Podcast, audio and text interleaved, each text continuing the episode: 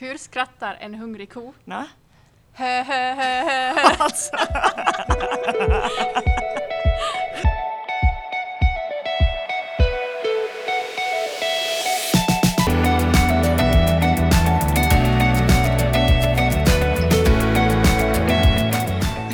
Glad onsdag och välkommen till podden. Vem har jag med mig idag? Ja, hej! Vad heter du? Jag heter Olina Svensson, studerar tredje året vid Hanken med företagsledning och organisation som huvudämne och studerar också första året vid Åbo Akademi på linjen pedagogiskt ledarskap och utvecklingsarbete. Hur är läget själv? Det är jättebra. Sen har vi också Daniel här. Ja, hej alla. Jag heter Daniel Sandvik. Jag studerar tredje året på Hanken med finansiell ekonomi som huvudämne och så studerar jag också tredje året på Helsingfors universitets juridiska fakultet här i Vasa. Hur mår du? Jag mår nog riktigt bra tack. Alltså, Lina sa du just pedagogisk ledarskap och utvecklingsarbete. Det rullar ju inte direkt av tungan det. Alltså, då jag sökte in hette allmän och vuxenpedagogik men de gick ju och bytt namn en vecka innan jag studerade så nu heter den pedagogiskt ledarskap och utvecklingsarbete. Och vad studerar man där? Man studerar pedagogik, antingen vuxenpedagogik eller allmän pedagogik beroende på ditt huvudämne, men vi blir inte lärare. Så det är ett litet obs-obs. Okej, vad blir man då i så fall? Alltså egentligen är det jätteflummigt och det beror ganska mycket på vad du har för dina, för dina biämnen. Men jag valde att studera det eftersom att det stöder HR-arbete om man vill jobba med det. Så det här Human Resources. Okej, så det är det som du vill göra i framtiden? Ja, och så hade jag lite ögonen på den här. Man kan ta en studievägledarbehörighet också via det huvudämnet. Ah, Så det hade jag lite ögonen på. Bara så här plan B. spännande! Och är det, är det Daniel så att du blir faktiskt jurist sen när du är klar eller hur ser det ut för dig? Jag blir nog faktiskt jurist när jag blir klar, jo. Absolut.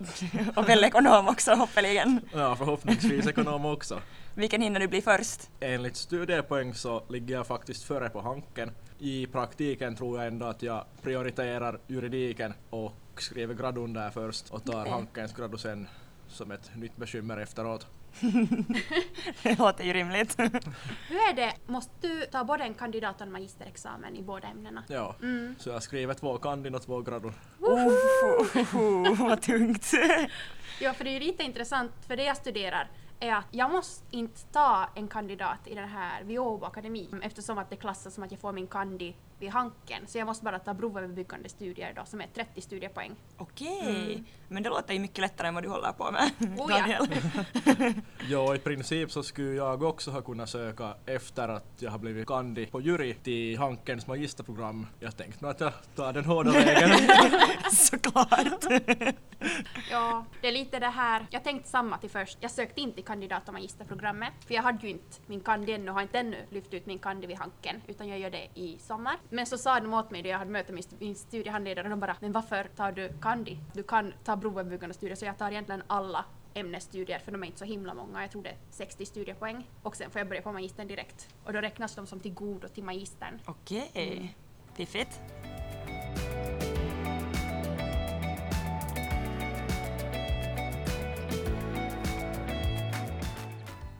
Varför valde ni att söka till två olika högskolor och två olika utbildningar? Att vad var motivationen bakom det? Nå, för min del så är det väl inte någon svårare förklaring än att jag tyckte att både juridik och ekonomi var, var väldigt intressanta. Varför nu inte studera båda då, när man en gång har möjligheten? För mig var det så att det var en kompis som redan andra året vi studerade vid Hanken, hon började studera också vid Åbo Akademi den här samhällsvetenskap och jag sa "Hå, kan man göra så? För jag gillar att plugga, inte att plugga plugga men att, att lära mig saker. Så jag var så här, hmm, vad hittar vi för kul som jag kanske kan läsa om? För jag tycker att alltså Hanken är super, absolut mitt första alternativ. Men det kanske lite saknar det där humanistiska man kan behöva i Human Resources lite tänker jag. Så jag tänkte att det kan ju inte skada att läsa lite pedagogik. Att om inte är min grej kan jag ju hoppa av. Hur blev det så med den här ansökningsprocessen att kan man söka in till två utbildningar på en och samma gång eller måste man studera ena liksom ett år tidigare och sen år efter söka in eller hur ser det ut? Alltså i praktiken så kan man bara ta emot en studieplats på liksom yrkeshögskole och universitetsnivå. Jag gjorde så att jag tog emot studieplatsen på juridiska fakulteten och samtidigt så anmälde mig till Hanken till öppna uni och så gick jag då öppna uni plus jury första året och sen på våren sökte jag in till Hankens kandidatprogram och fortsatte då i princip med andraårskursens studier på Hanken fast jag nu enligt mina papper är inskriven först ett år senare än när jag egentligen började. Okej, det visste jag faktiskt inte. Har du samma sak? Mm, alltså jag har studerat två år vid Hanken, men jag bäddade så bra att jag har gick jättemycket kurser de två första åren, så jag hade egentligen mina kandidatstudiepoäng efter två år. Så att då har jag istället det här året kunnat ta mycket studiepoäng vid Åbo Akademi. Okej, men det låter ju som att ni båda har helt otrolig studiefart om ni har hållit på med två utbildningar samtidigt. Att hur ser det ut i praktiken? Att hur delar ni upp er tid och liksom, hur ser det ut på båda skolorna? Har ni tentvecka samtidigt på båda skolor eller? Nå, som tur så har vi inte egentligen tentveckor på juridisk utan man har i princip en kurs åt gången och tent efteråt. Då kan man lätt prioritera juridik när man har tent i de kurserna och sen när det är tentvecka på Hanken så tar man ledigt från juridik och fokuserar på tentveckan den veckan. Förstås alltid däremellan så måste man sen lite pussla att hur man prioriterar olika kurser. Ja, vi, åh, vi har inte heller några tentveckor, fast vi har perioder så att de här många kurser flyter lite över varandra. Till exempel hade jag en kurs som började i februari och den slutar nu i april. De stör inte Hankens tentveckor på det sättet. Och också så är det mest hemarbetande, portfolio, skrivande och lärodagbokskrivande. Några hemtentor har jag skrivit, men det är som det. Känner ni igen varandra i hur, hur ni liksom berättar just? Jag tror Daniel har det mycket tuffare än vad jag har. Alltså Hanken är nog mycket krävande, mer krävande än den här vid Åbo Akademi. Att den är nog lite enklare. Och också absolut lättare än den vid jury. Ja, jag skulle nog också påstå att, eller påstå att, att äh, mina juridiska studier så är nog överlag betydligt svårare än Hankens studier i slutändan. Fast vissa kurser på Hanken förstås kanske totalt sett kräver liksom att man lägger ner mera tid än då när man ska lägga mycket tid på alla inlämningsuppgifter.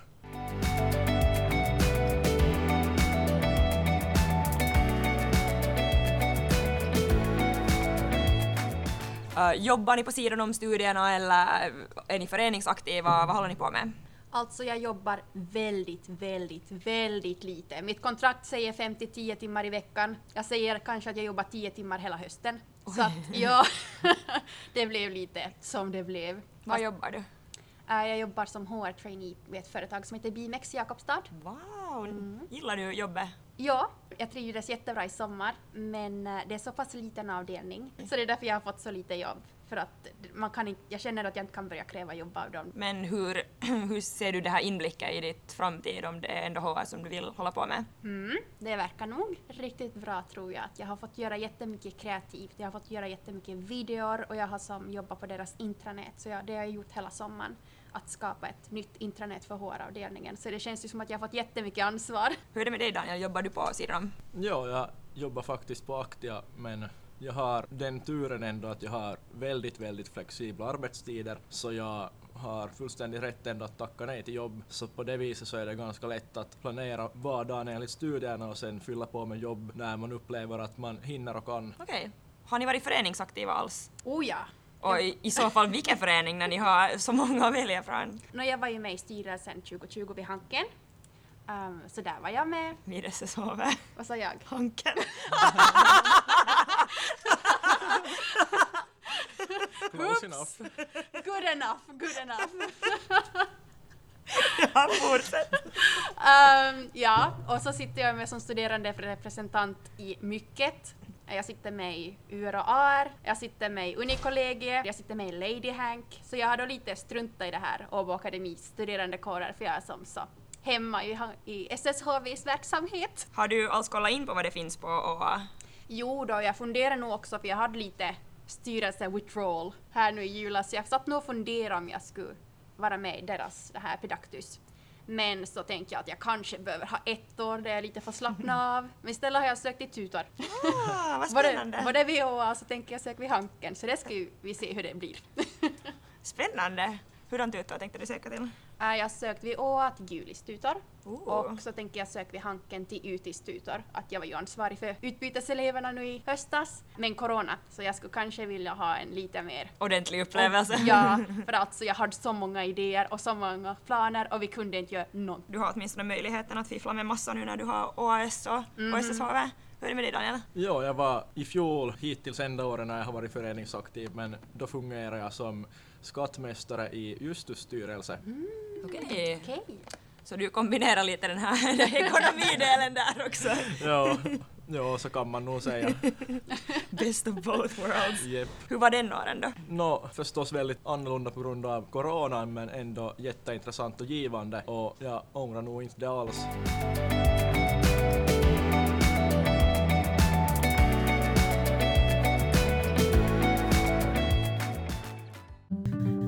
Möjlighet att söka stipendium för ditt kommande utbyte eller praktik? Vill du öka din konkurrenskraft på arbetsmarknaden redan under din studietid? Om du svarar ja ska du absolut bli juniormedlem i ekonomiföreningen NJOD. Det är helt gratis under din studietid. NJOD är en svenskspråkig förening för ekonomistuderande och för alla andra som har avlagt ekonomexamen i Finland eller utomlands. NJOD ger dig redskap för ett föränderligt arbetsliv. Det betyder att du som medlem har tillgång till hela NJODs utbud inom kompetensutveckling, personlig utveckling, rekreation och ett nätverk med över 4 000 medlemmar. Som juniormedlem kan du också boka NJODs-stugor i Tahko och Himos. Läs mer och bli medlem nu på njord.fi.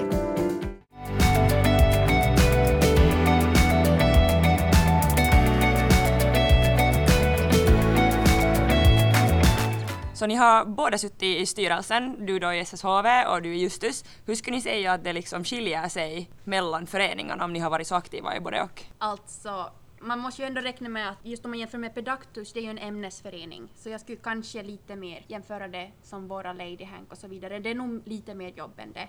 Men jag skulle inte säga att det är fullt så mycket jobb som det var i SSHV. Ja, nu jag har inte så jättebra erfarenhet av SSHV och dess verksamhet kanske, så det är från inifrån sett. Men jag skulle nog ändå kanske påstå att det är lite mindre jobb i Justus när det ändå är betydligt mindre ämnesförening. Men sen å andra sidan kan man tänka sig att det är också mera jobb för att man är mindre folk som ska liksom dela på samma arbetsbörda.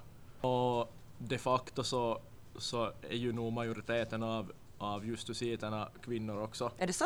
Ja. Mm. Är Lite det- samma här, ja. att det är mest flickor som söker in till också till min linje. Att Det är en, en eller två pojkar varje år, men det är ju en jätteliten linje som jag Mm. studerar till. Hur mycket människor är det där då? Alltså vi som studerar kandi och magister och tänker ta hela kandidaten och magistern, vi är åtta. Oj! Ja, så att det är ju, jag tror det är 18 platser varje år. Men eh, det är faktiskt många magister som söker enkom för magistern in, som börjar direkt där. Och så är det flera som just vill ha den här studiehandledarbehörigheten och då bara läser det och skippar alla ämnesstudier bara så de ska få studiehandledarbehörigheten. Jaha, det visste jag inte ens var möjligt. Men hur många platser finns det till Helsingfors universitet i Vasa då? Vanligen så har det varit 38 platser, men nu förra våren så ändrade man det till 48 tror jag. Okej, fanns det någon special orsak till det? Nå, överlag så la man väl till flera högskoleplatser till många utbildningar, säkert till Hanken också, och media och diverse, så jury var då en av de som blev påverkade av det. Och sen tror jag också att Helsingfors universitet bestämde att man lägger till några extra platser åtminstone då till i fjolåret på grund av coronan. Men antagligen så blir de väl bestående de platserna också. Spännande.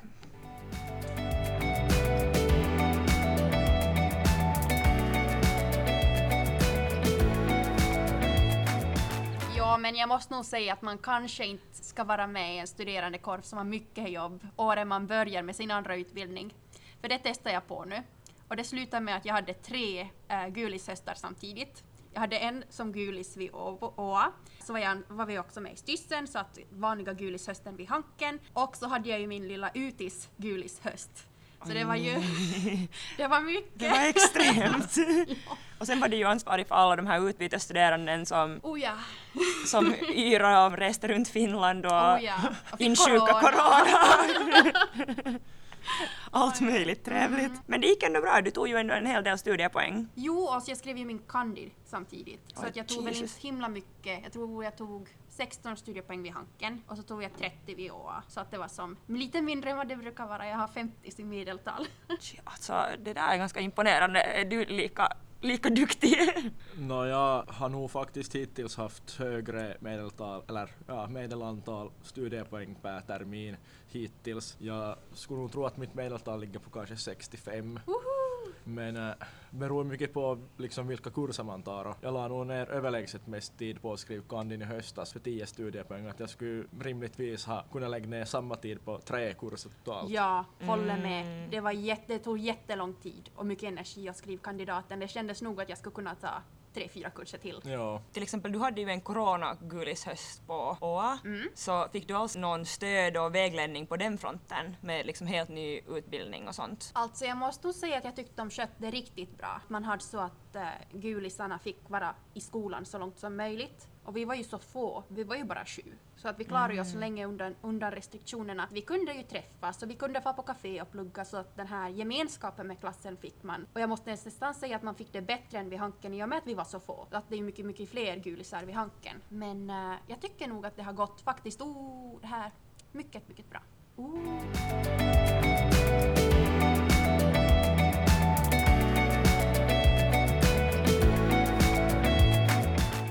Nu kommer den stora frågan som jag tror att många vill ha svar till. Vad är för och nackdelar med att ha dubbelexamen? Nå, som fördelar så skulle jag ju säga att för det första man får studera två saker på universitetsnivå som man tycker är jätteintressanta och eh, så har jag nu själv åtminstone också tänkt att när man söker jobb så, så har man en, en konkurrensfördel, lite förstås beroende på arbetsuppgifterna men eventuellt också att man skulle ha någon praktisk nytta sen i arbetslivet av att ha gått en dubbelexamen. Mm, jag gillar ju som sagt att plugga som jag sa tidigare så att det är ju det är jag som är en jättebra fördel. Får jag vara med i studielivet på båda ställena, det är också jättekul. Äm, förstås nackdel är ju att det krävs ju mycket jobb och man måste ju ha disciplin. Man kan inte lämna allting till sista minuten och man kan inte prokrastinera allt för mycket. Och det som jag ser som en jättestor fördel är att jag vet inte vad jag vill plugga, alltså som alltså jobba med. Att nu- just nu är det ju förstås inriktat på HR men att jag vet ju inte om jag vill jobba med i 40 år. Så att det här att jag har en trestegsplan. Nåni, Mm, låt komma. ja,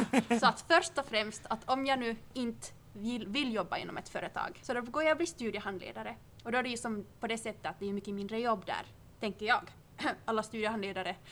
Håller säkert inte med. Uh, men det är som alltså, det är en annan form av det här, att, av att jobba. Att du har kanske lite kortare dagar kan jag tänka mig och du är ledig på somrarna till stor del. Um, och sen har vi HR, det är det här mellersta steget som jag nu tänker kanske lite på. Det sista steget, om jag riktigt, riktigt går hardcore, tänker jag jobba för ungefär kanske FN. Se till att alla barn får utbildning. För att det jag studerar är ju som mer eller mindre utbildning, hur det ser ut, hur ser ett utbildningssystem ut också på det sättet. Så det tänker jag att det här kanske skulle vara kiva. Så du har liksom flera backup plans på Oh ja, ifall du tappar intresse för något. oh ja. Jag kan ju gå och bli rektor då, om jag riktigt känner för det. man göra det? Äh, Jag måste ha en lärarbehörighet, men jag tänker ta rektorsbehörigheten. Så jag måste bara gå och försöka få in någon lärarbehörighet? Har du kollat upp det också? Mm. Äh, Det finns egentligen tre biämnen som man kan ta. Eller man kan ju ta egentligen vad som helst, men att tre vanligare biämnen som har lite mer att göra med mitt huvudämne vid OA. Och då är det just att den här studiehandledaren som jag går. Och så finns det också rektorsbehörighet, vilket man mer eller mindre får gratis för att de kurserna är nästan exakt vad jag måste läsa. Mm. Ändå. Jag måste bara få på en praktik. Um, och sen kan jag bli yrkeslärare. Okej. Så då tänk, alltså jag skulle kunna säkert bli lärare som för merkonomer. Ja. Jag är inte riktigt intresserad för det, men du vet jag kan. Det är det viktiga.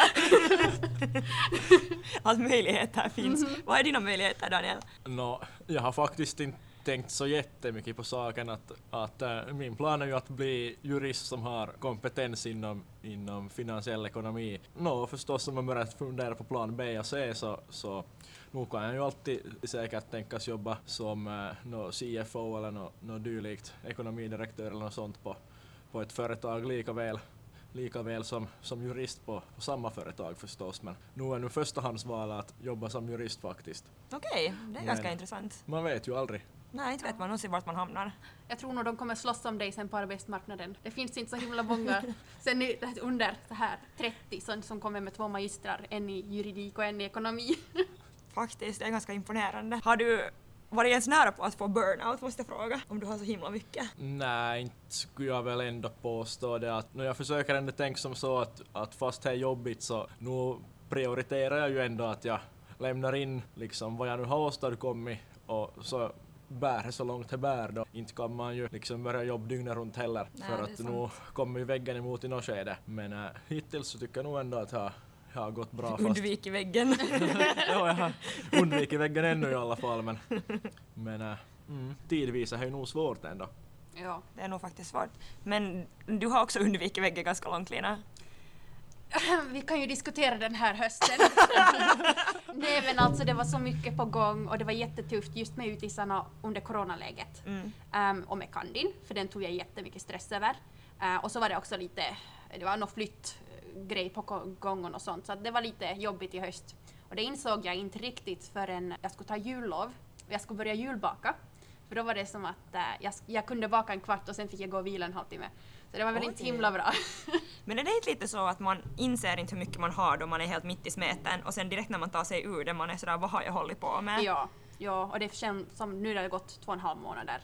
Och nu känns det som att jag är back on track, men det tog två och en halv månader. Okej, så du har ju ändå fått vila lite så här efter, Mm. Ja, och efter det, hela faderullan. ja, men jag tror inte att det var studierna i sig. Eh, eftersom att jag har ännu mer studiepoäng nu i vår än vad jag hade i höst. Och jag tar det här betydligt lättare än vad jag tog, hade stress över i höst. Så det var nog flera andra faktorer också då. Säkert föreningsburnout. Ja. jag bara, jösses HV, jag vill ha sjukförsäkring. Det är lite svårt att, att sjukanmäla sig då man har blivit förtroendevald.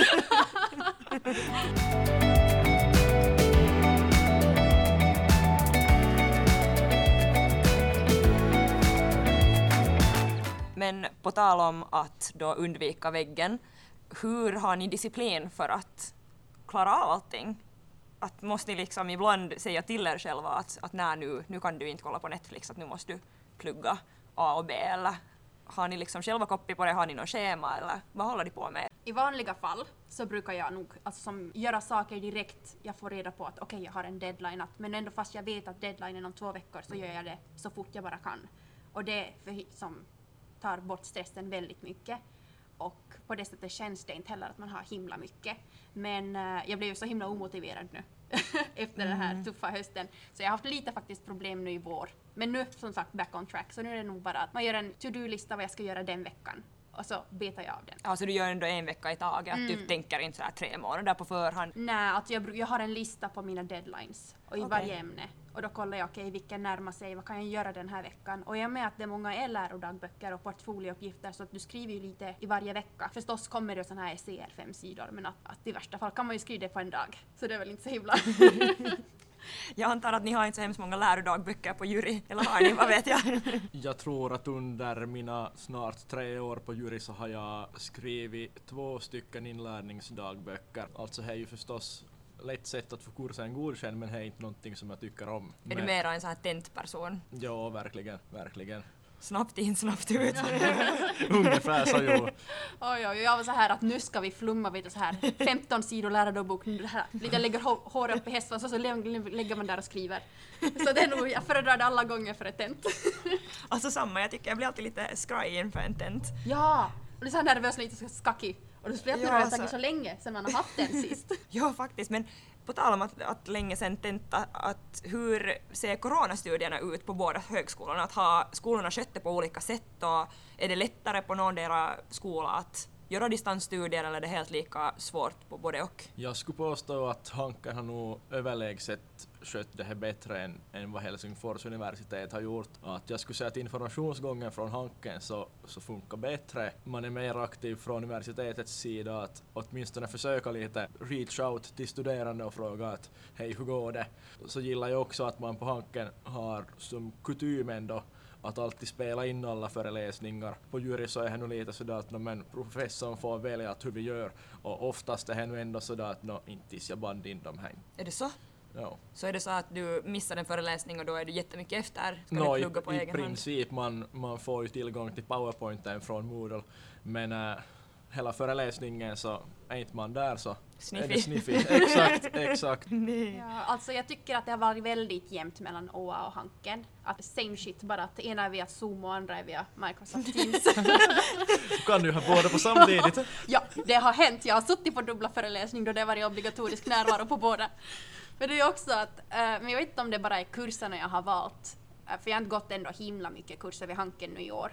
Eh, men jag upplever att OA är betydligt bättre på att filma in sina föreläsningar och filmar alltid mer eller mindre skulle jag säga in. Men jag funderar, jag tror inte jag har gått en ännu Hanken-kurs i år eller i höstas där man bandade in. Jag tror det är bara för att jag råkar hamna på de föreläsningarna. Jo, jag tror att du har råkat hamna på dem. Men jag måste säga att det är nog inte så överraskande att om du studerar pedagogik, att de är mer pedagogiska där. Ja, Surprise!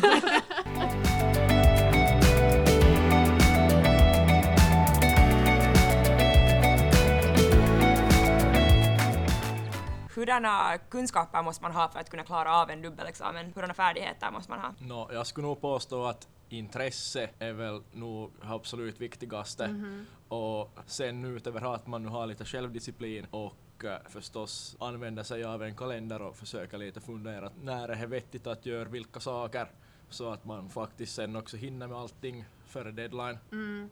ja, alltså på tal om det här att organisera. Jag har ju en powerpoint-presentation. om min, den heter Linas dubbelmagister.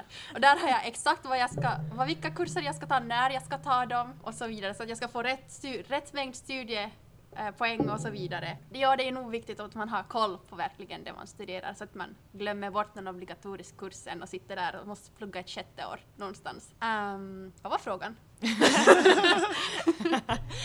Det var hur, hur, hurdana förmågor man behöver för att klara av en dubbelexamen. Ja just ja, och så är det ju viktigt, tror jag, att man känner sig själv. Alltså vad är man bra på? Är du bra på matte? Är du bra på att läsa och skriva? Som att det här, jag tror det blir, skulle bli betydligt tuffare att studera, till exempel vid OA nu, om man inte är bra på att läsa och skriva. För jag tror det är egentligen det min styrka är och varför det går så snabbt allting vid Åbo Akademi är just för att du behöver kunna läsa, du behöver kunna hitta det där, ha bra läsförmåga och hitta det viktiga i en artikel och sen skriva snabbt. Då är det väldigt här, sparar mycket tid. Du är visst ganska bra på matte. Jag tänkte faktiskt fylla på att, att uh, skulle jag studera till elingenjör så tror jag nog att jag skulle ha gått i väggen redan. det kanske säger någonting om mina mattekunskaper. Men du måste ju kunna sitta, sitta ner med en bok om du sitter, alltså studerar på jury. Så ni läser väl ganska mycket där? Ja, i alla fall så förväntar man sig att vi, att vi läser mycket men, men äh, Det för det mesta så läser vi nog, läser vi nog mycket. Att äh, kurslitteraturen så är nog ofta så pass lång så att man inte ens hinner läsa allt. Mm. Jag funderar ju faktiskt på att söka in jury istället för just det här Åbo Akademi, men jag kan inte finska. istället. Jag tänkte att du skulle säga som en tredje tillägg. jag sa att nej det går inte. ja, nej det här. Jag försökte få till mig en ärm och så sa de att jag måste Aj, till söka- halaren? Ja. Ja. Och så sa de åt mig att jag måste söka in dit och jag bara men slut, jag kan inte söka in till som går vi tre. men också jag kan ingen finska, så därför kunde jag inte söka. Ja, Man hur är det ju- med finska kunskaperna på jury? Nå, I Vasa så, så har vi förstås tvåspråkig utbildning. Man är nog i en avsevärt bättre position redan i det skedet när man är bra på finska för att vi har nog i princip tyvärr majoriteten ändå av föreläsningarna på, på finska. Sedan alla grupparbeten och tentor får man nog göra på valfritt språk. Men äh, till saken hör ju också den att det finns väldigt lite juridisk litteratur i Finland som skulle vara en skriven på svenska eller ens översatt. Så att största delen av litteraturen så är ändå endast tillgänglig på finska. Om inte man är bra på finska kan det nog bli lite besvärligt att, att äh, på fyra veckor läsa tusen sidor bolagsrätt på finska. Mm. Men är det så att det finns så här jätteblandat folk på jury, att, att vissa kan bara svenska jättestarkt och svag finska och sen vissa som kan jättebra finska och svag svenska. Att hur klarar de sig då? Måste man gå någon viss mängd kurser på någon deras språk? Nej, det finns inget minimikrav på, på det sättet men, men man kan ju också avlägga sådär äh, i kandidatexamen och då krävs att man gör minst 60 studiepoäng i vardera inhemska språket. Så till exempel 60 finska och 120 svenska eller tvärtom. Det är kanske, skulle jag påstå, en tredjedel som gör tvåspråkig examen. För övrigt så nu har vi liksom studerande helt laidasta laitaan att eh, vissa kan inte i princip någon finska alls när de stiger inom dörren som, som gulisar och vissa kan sen igen ingen svenska alls när de dyker upp första dagen. Man lär nog sig jättesnabbt skulle jag påstå. Att det är nog språkbord med stort S. Men jag tror nog kanske det gäller att studera bara jury då till exempel. Att om inte du kan finska och ska börja studera juridik, att det tror jag nog tar så pass mycket tid att du kan inte börja studera vid två ställen då. Nej, det ska jag nog påstå att det är en bra point för jury är ju krävande i sig men sen blir det förstås extra krävande när du, när du ständigt, ständigt och jämt ska kolla upp vad olika saker betyder och inte läser man ju lika, lika snabbt på finska som på svenska heller och lite sådana saker så Hur är dina språkkunskaper? Pratar du flytande båda? nu skulle jag väl nästan påstå att jag i det här skedet pratar i princip nästan lika bra finska som engelska. Inte var jag alls lika bra när jag började. Så jag tyckte nog att det var, att det var vad heter lite tungt, speciellt första året när mycket litteratur var främst på finska och sen skulle man plöja igenom det. Jag har nog blivit lättare nu på senare tid när man har blivit mer, mer varm i kläderna och samtidigt också fått bättre finska kunskaper. Mm. Och det går ju väl helt på svenska på A också. Jag har haft en engelska kurs. På engelska heter det då. Inte, inte språket engelska utan ja, allting går mer eller mindre på svenska. Ja, och sen har man ändå på engelska på Hanken också. Mhm. Så du kör liksom trespråkig utbildning du också Daniel? Ja, no, i princip. Verkligen språkbarn.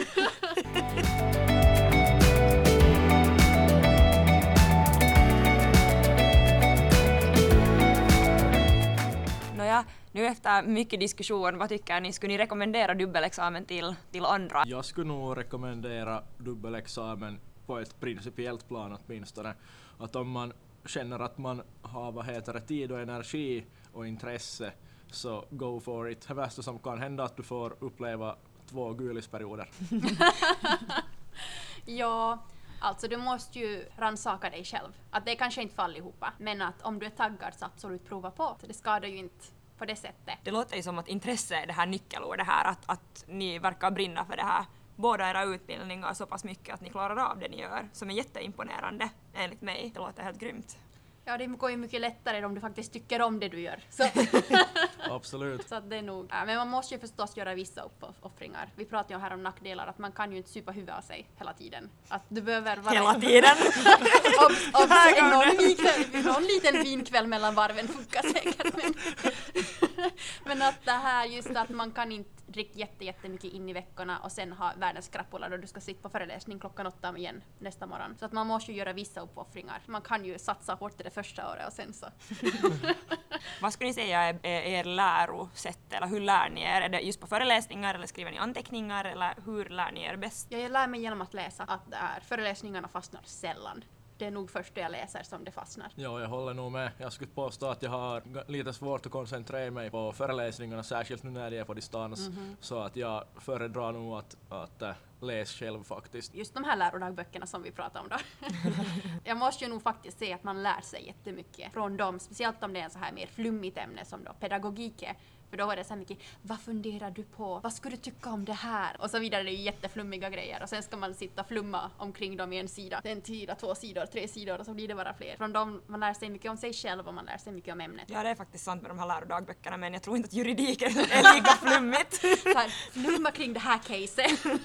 eller vad vet jag, kanske ni måste hitta olika loopholes och Nå, inte vad gäller våra, eller din lärningsdagböcker vi har haft i alla fall, att som vi nu hade senast så skulle vi skriva en till två sidors referat om fyra olika föreläsningar. Förstås så tyckte jag att det här var otroligt torr uppgift och man kunde bara bli endera godkänd eller underkänd så att ribban var ju inte särskilt hög och förstås när man hade jättebråttom med allt annat så jag la ju nog inte ner alls mycket tid på min inlärningsdagbok utan jag skrev nog bara vad som stod på powerpointen och så fyllde jag i att det här var en intressant föreläsning. Det blir ju så, om de är torra, man bara jag tycker det här var jätteintressant.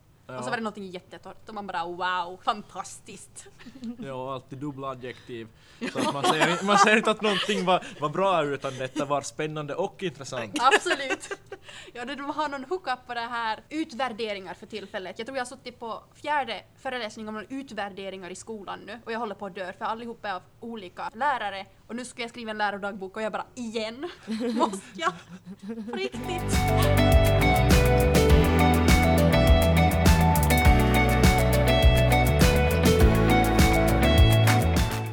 Har väl inte så hemskt mycket kvar av era studier? Efter den här våren så kommer jag ha 80 studiepoäng kvar vid Hanken och 80 poäng kvar vid OA och då inklusive magister, äh, det här gradun då. Äh, nu efter våren så har jag väl i princip 120 studiepoäng kvar på jury och kanske 100 studiepoäng och ett utbyte på Hanken. Aj, du ska på utbyte. Nå, jag har sökt i alla fall, men vi får se. Vart har du sökt?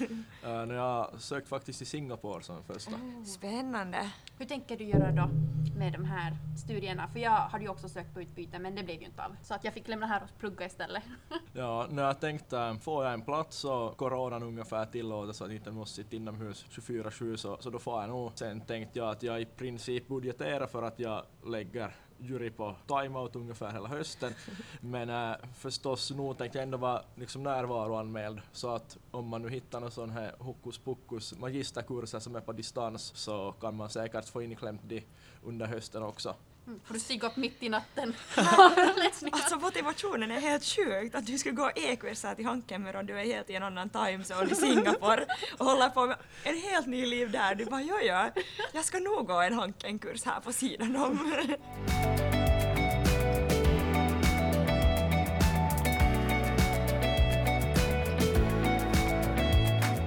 Men hörni, då önskar jag Daniel dig all lycka att du slipper till Singapore och hålla på med ditt utbyte där och att du snabbt klarar undan alla dina biämnen som du har Lina. För ni som har missat, jag har sex stycken. Men ja, hörni, tack att ni, tack att ni kom hit och lite berättade om er dubbelexamen. Det var jättekul att ha er här i, i studion. Hej då! Hejdå! Ja.